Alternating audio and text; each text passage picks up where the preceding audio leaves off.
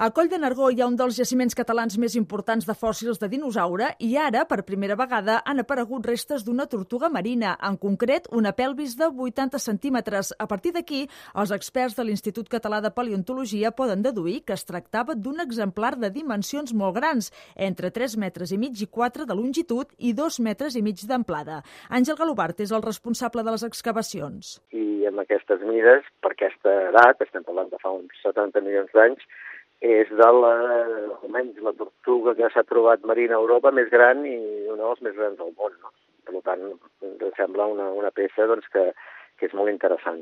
La troballa de la tortuga va ser fortuïta. L'avís el va donar el 2017 un turista alemany i ara els fòssils es restauren a l'espai dinosfera de Coll de Nargó, a la vista dels visitants. De moment han estat objecte d'estudi d'un treball de màster que en els pròxims mesos es convertirà en l'article científic que validarà els resultats preliminars que s'han obtingut.